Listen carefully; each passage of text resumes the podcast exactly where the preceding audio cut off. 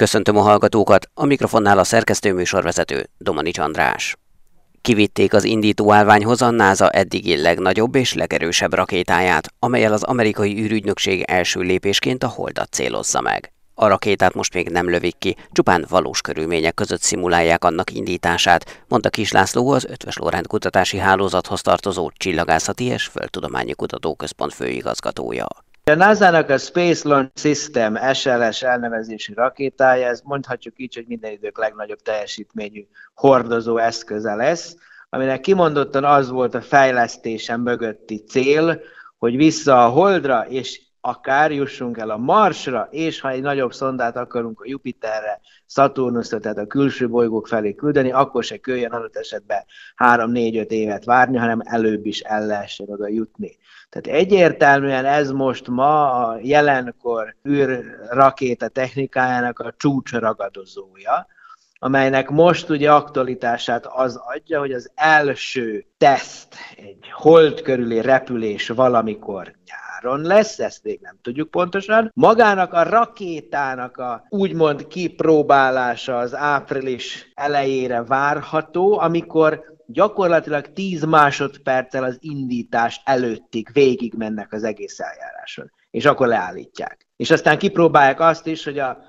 700 ezer gallon, azaz nagyjából 350 ezer literes rakéta hordozó anyag, ugye folyékony hidrogén és folyékony oxigénnek a keveréke hajtja ezt a nagy rakétát. A föltöltés és aztán a leeresztés is, hogy szépen biztonsággal végig vihető. Tehát most kigurították ezt a gigantikus nagy szerkezetét, ami ugye klasszikus összehasonlítás a New Yorki Szabadság szobornál is magasabb, egy hatalmas, nagy narancssárga rakétát kell elképzelni, két oldalán ilyen segédrakéták, a tetején az Orion űrhajó. Ez most itt szépen össze lett rakva, eleve egy ilyen jó négy kilométeres utat 11 óra alatt tett meg, a összerakó hatalmas nagy csarnoktól az indító állomásig, ott a következő két-három hétben valamikor eljátszák, hogy mintha elindítanák, csak aztán leállítják, és valamikor, ha meggyőződtek arra, hogy minden tökéletesen működik, most jelenleg úgy tűnik, hogy júniusnál hamarabb erre nem fog sor kerülni, akkor elküldik ember nélkül hold körüli pályára az Orion űrhajót, ami aztán visszatér onnan,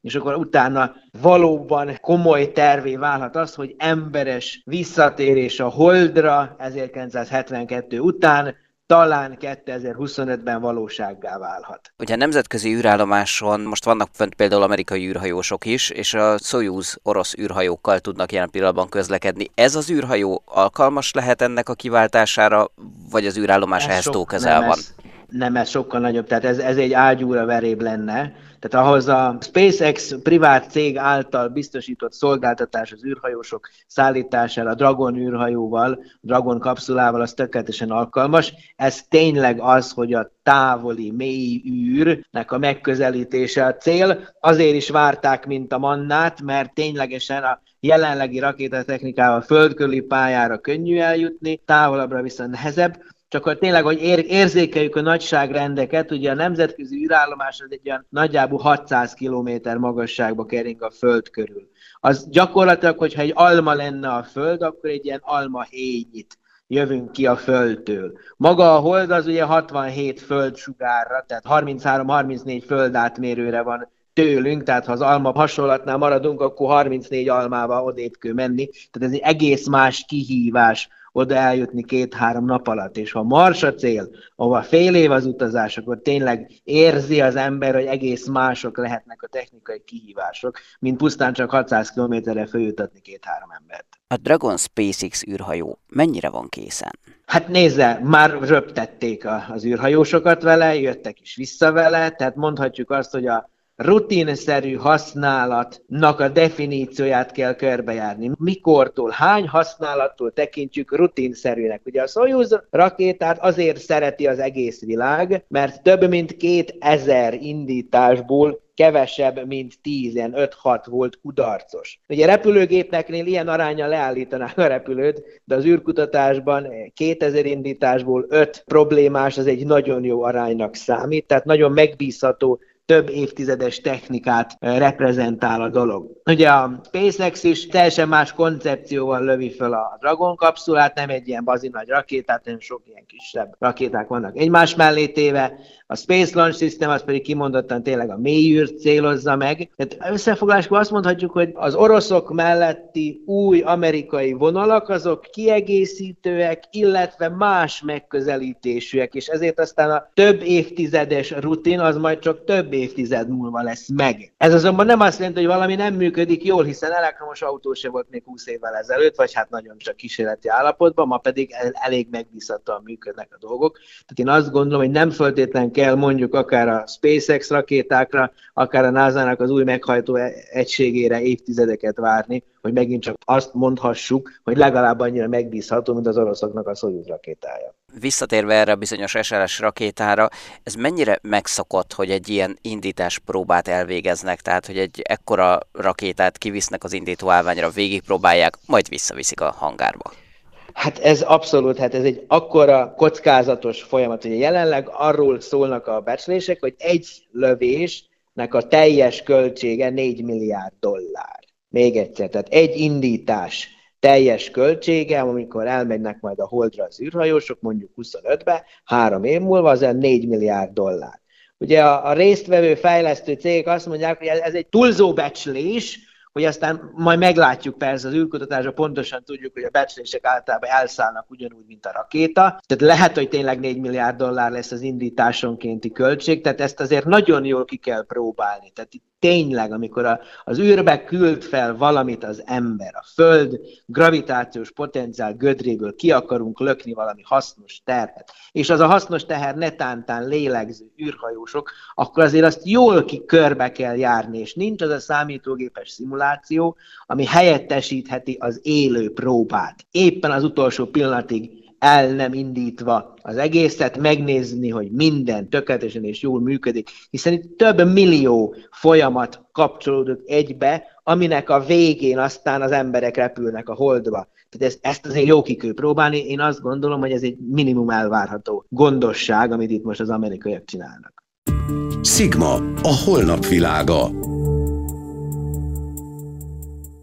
A CERN egyik kísérletében az egzotikus anyag-antianyag atomok meglepő viselkedését figyelte meg szuperfolyékony héliumban egy kutatócsoport, amelynek tagja volt a magyar származású, jelenleg Zürichben dolgozó Sótér Anna és az Ötvös Lóránt kutatási hálózathoz tartozó Wigner Fizikai Kutatóközpont tudományos főmunkatársa Barna Dániel is. Az eredmény a kutatók szerint új utat nyithat meg a részecskefizika, az anyagtudományok és akár az asztrofizika területén is. Barna Dániellel beszélgettem. Az Asakusa, vagy AD3 kísérlet, ugye ez a számot is kaptak, az antiproton lassítón, innen származik az AD egyébként, vagy Antiproton Decelerator, az antiproton lassítón a CERN-ben a hármas számú kísérlet, akkoriban még csak három kísérlet volt, amikor ezek a mérések történtek. A kísérlet során antiprotonokat állítottunk meg hélium gázban, illetve később folyékony, illetve szuperfolyékony héliumban, és ezek az antiprotonok ugye lelassulnak először is ebben a közegben, és utána, mivel negatív a töltésük, befogódnak a héliumatom egyik atomi elektronpályájára, kiütve onnan azt az elektront. Tehát egy olyan exotikus atom jön létre, amiben a héliumatommak körül egy elektron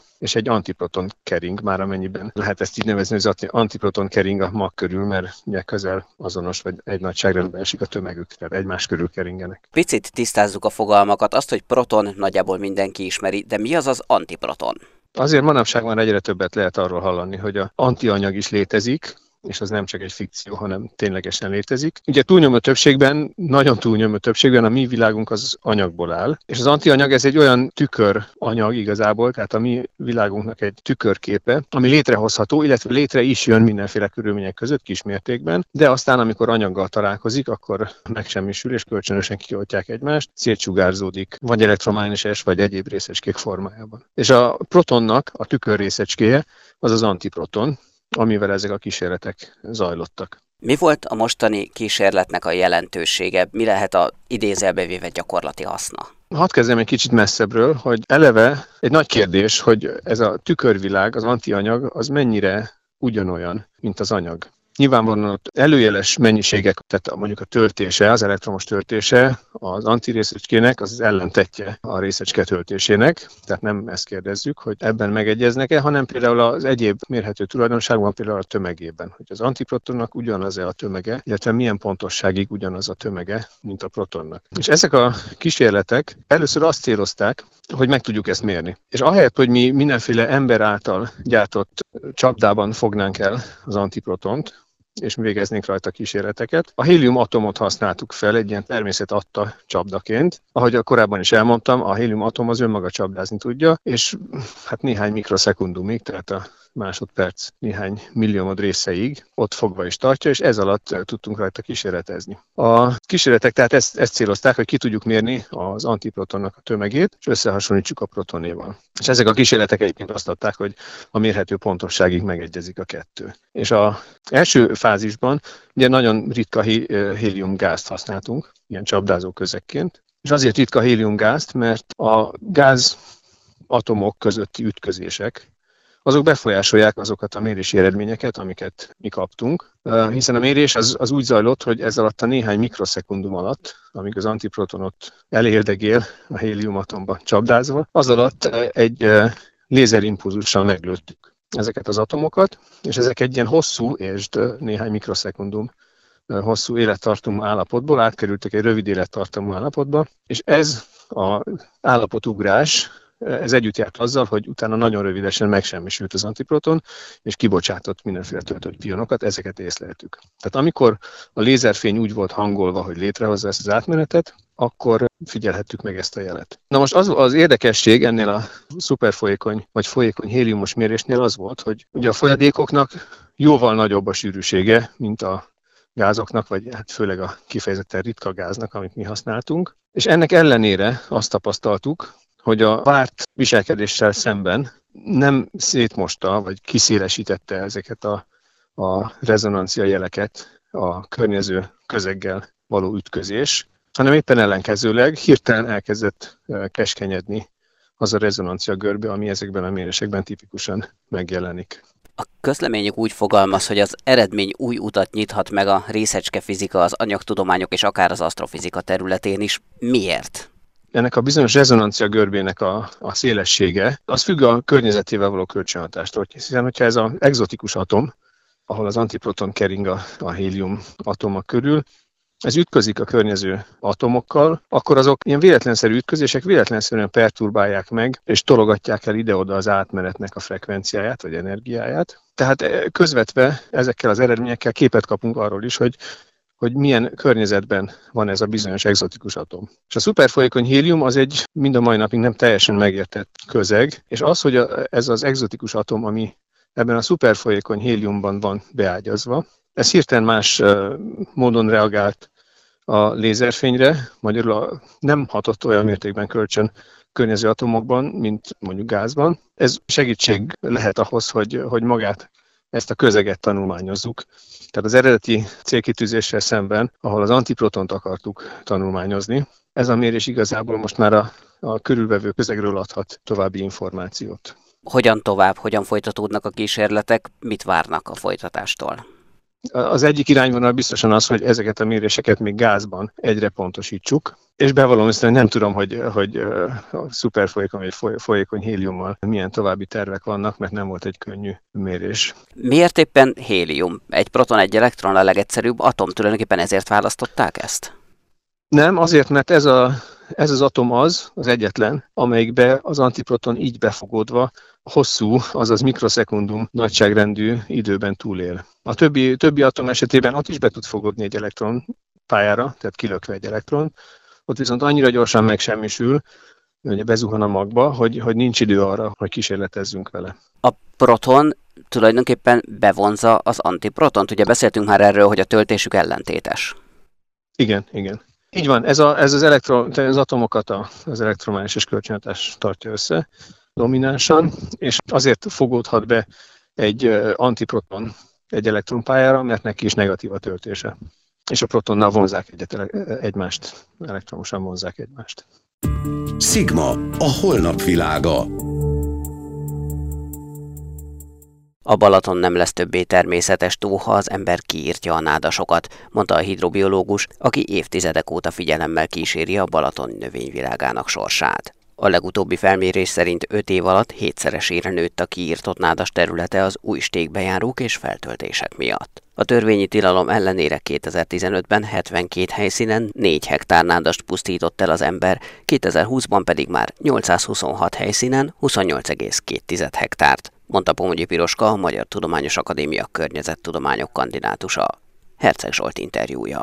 Sokféle számról lehet beszélni a balatoni nádasok tekintetében. Van a Balatonnak egy olyan része, amit hivatali nyelven úgy hívnak, hogy tómeder, a vízmeder, ami állami tulajdonban van, és a vízügy, illetve a természetvédelem részéről a Nemzeti Falka kezelője. Ebben a nádasok összes területe durván 1200 hektár körül van. Ez nem nagyon változik, ugye azért maga a tómeder sem nagyon változik. Ami viszont változik, ennek a nádasnak az összetétele. Különböző minőségi osztályok vannak, amit jogszabály ír nádas minősítési osztály 1-től 5-ig. Osztályozzuk ezeket a nádasokat. Hát itt bizony jelentős változások vannak, mondjuk a legjobb minőségű nádasok az első osztályúak, ezek az elmúlt 20 évben drasztikusan a harmadára csökkentek, míg a harmadosztályú, azaz a közepes minősítésű minőségi osztályú nádas városok területe jelentősen nőtt, és a negyed osztályú a gyengébb minőségű nádasok területe is nőtt, és bizony nagyon sok helyen erősen megritkoltak a nádasok. A másik rész, ami ugyancsak a Balatonhoz tartozik, de jogi nyelven vagy kezelő tekintetében, tehát ami nem állami tulajdonban van, hanem más közösségi vagy magántulajdonban van, a parti sávnak a nádasai. Ezek is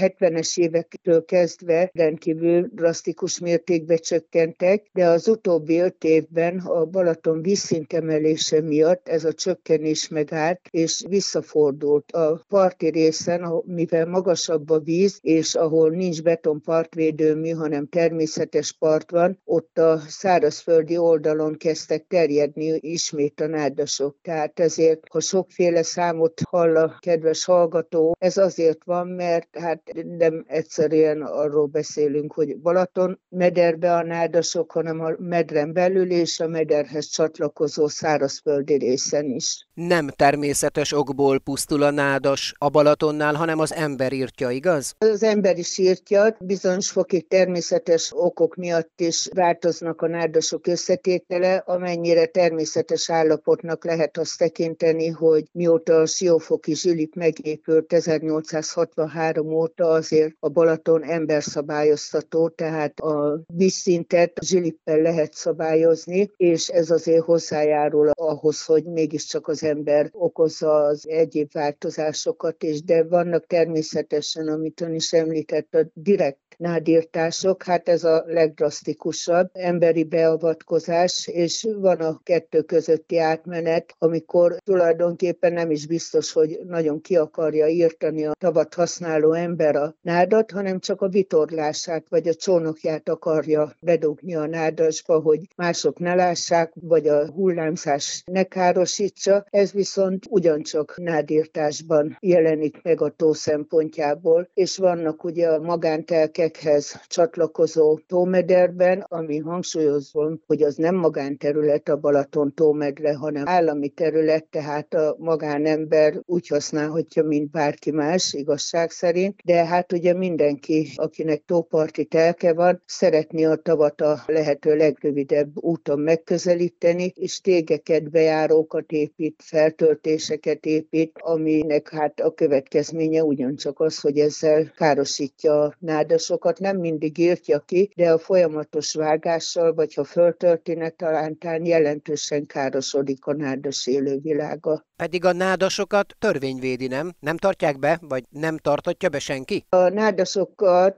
már 2000 előtt is védték különböző jogszabályok, de alacsonyabb rendi jogszabályok. 2000-ben az úgynevezett Balaton törvény nevesítette először az első, másod, harmadosztályú nádasok károsításának a tilalmát. Ez a Balaton törvény, ez hatáját vesztette 2019. március 15-ével, de helyette életbe lépett az országos területrendezési törvény, a 2018-as 139-es törvény, amelyik ezt a nádos károsítási tilalmat átemelte. Annyival változott a szabályzás, hogy ez az új törvény, amellett, hogy első, másod, harmadosztálya nádasok károsításának a tilalmát kifejezetten előírja, a negyed ötödosztályú nádasokban megengedi a kisméretű, maximum 20 férőhelyes kiscsónak kikötők létesítését, ha majd meg lesznek a végrehajtási utasítások. Ez egyelőre nincs meg, de a törvényi tilalom a nádasok bármilyen szintű károsítására ma is létezik létezik. Miért fontos, hogy legyen elég náda Balatonnál? Ökológiai, természetvédelmi szempontból ez miért lényeges? nagyon jól össze is foglalta, ebből az ökológiai, természetvédelmi, vízminőségvédelmi szempontból feltétlen fontos szerepük van a nádasoknak, de mindjárt a tó élete szempontjából, hiszen a Balaton az egy nagyon sekélyvízű tó, aminek természetes velejárója az, hogy a sekély parti sávon növényzet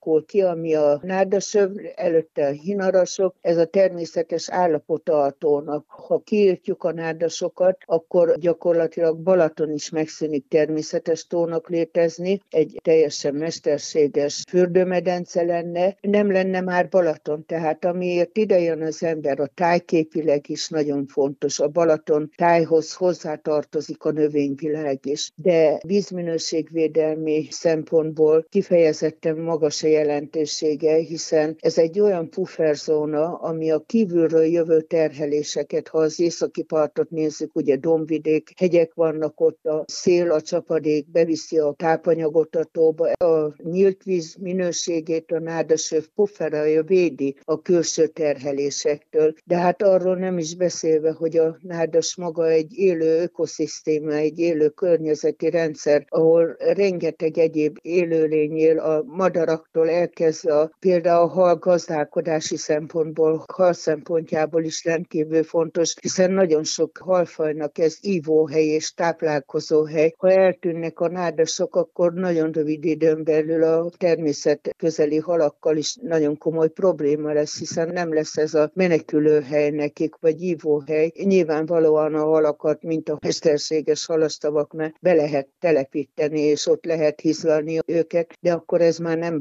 Balaton, nem üdülőtó lesz, hanem egy olyan halastó, ahol fürdeni nem lehet. Nagyon ritka, talán nincs is olyan halastó, ahol például üdülni lehet. Műsorunkat teljes egészében meghallgathatják az infostar.hu és az mta.hu oldalon. Búcsúzik Önöktől a szerkesztő műsorvezető, Domani András.